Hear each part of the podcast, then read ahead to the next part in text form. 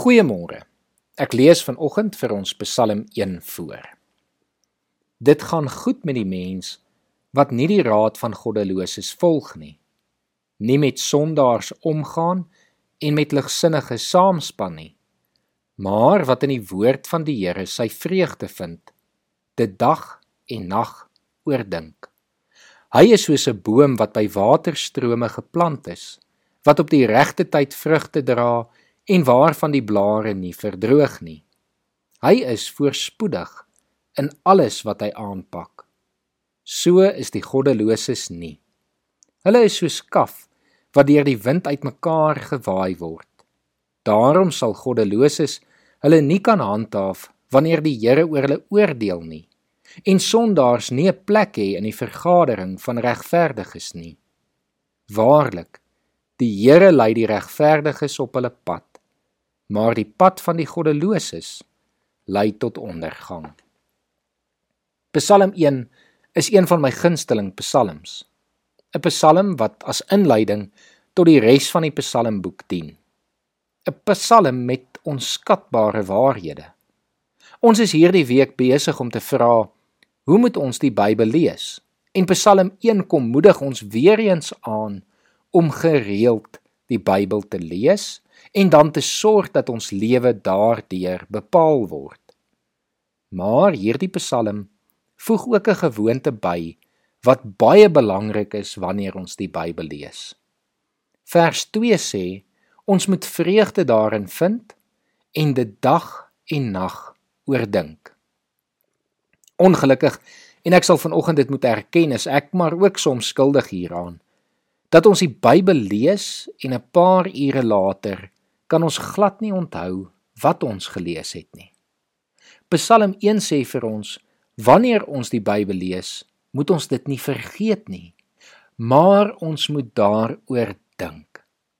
As jy byvoorbeeld die oggendbybel gelees het, is dit wys om 'n vers of twee te merk of neer te skryf of uit jou kop uit te leer sodat jy die dag 'n paar keer weer aan daardie vers herinner kan word dit weer vir jouself kan opsê of dit weer 'n keer lees sodat jy weer daaroor kan dink. Ons moet gereeld oor die Bybel reflekteer want dit is in die nadenke dat God deur sy gees in ons werk om die Bybel prakties in ons lewens van toepassing te maak. As ek byvoorbeeld in Psalm 4 lees dat ek nie moet sondig as ek kwaad word nie, maar dat ek liewer in stilte daaroor moet gaan nadink. Help dit my as ek deur die dag aan hierdie verse herinner word, sodat wanneer ek kwaad word, ek wel kan doen wat die vers sê. As ek wonder wat 'n teks beteken en ek dink byvoorbeeld deur die dag na oor die gelykenis van die saaier, dan gaan daar waarskynlik deur die dag antwoorde vir my oopgaan veral as ek wanneer ek daaroor dink ook deur gebed in gesprek is met God.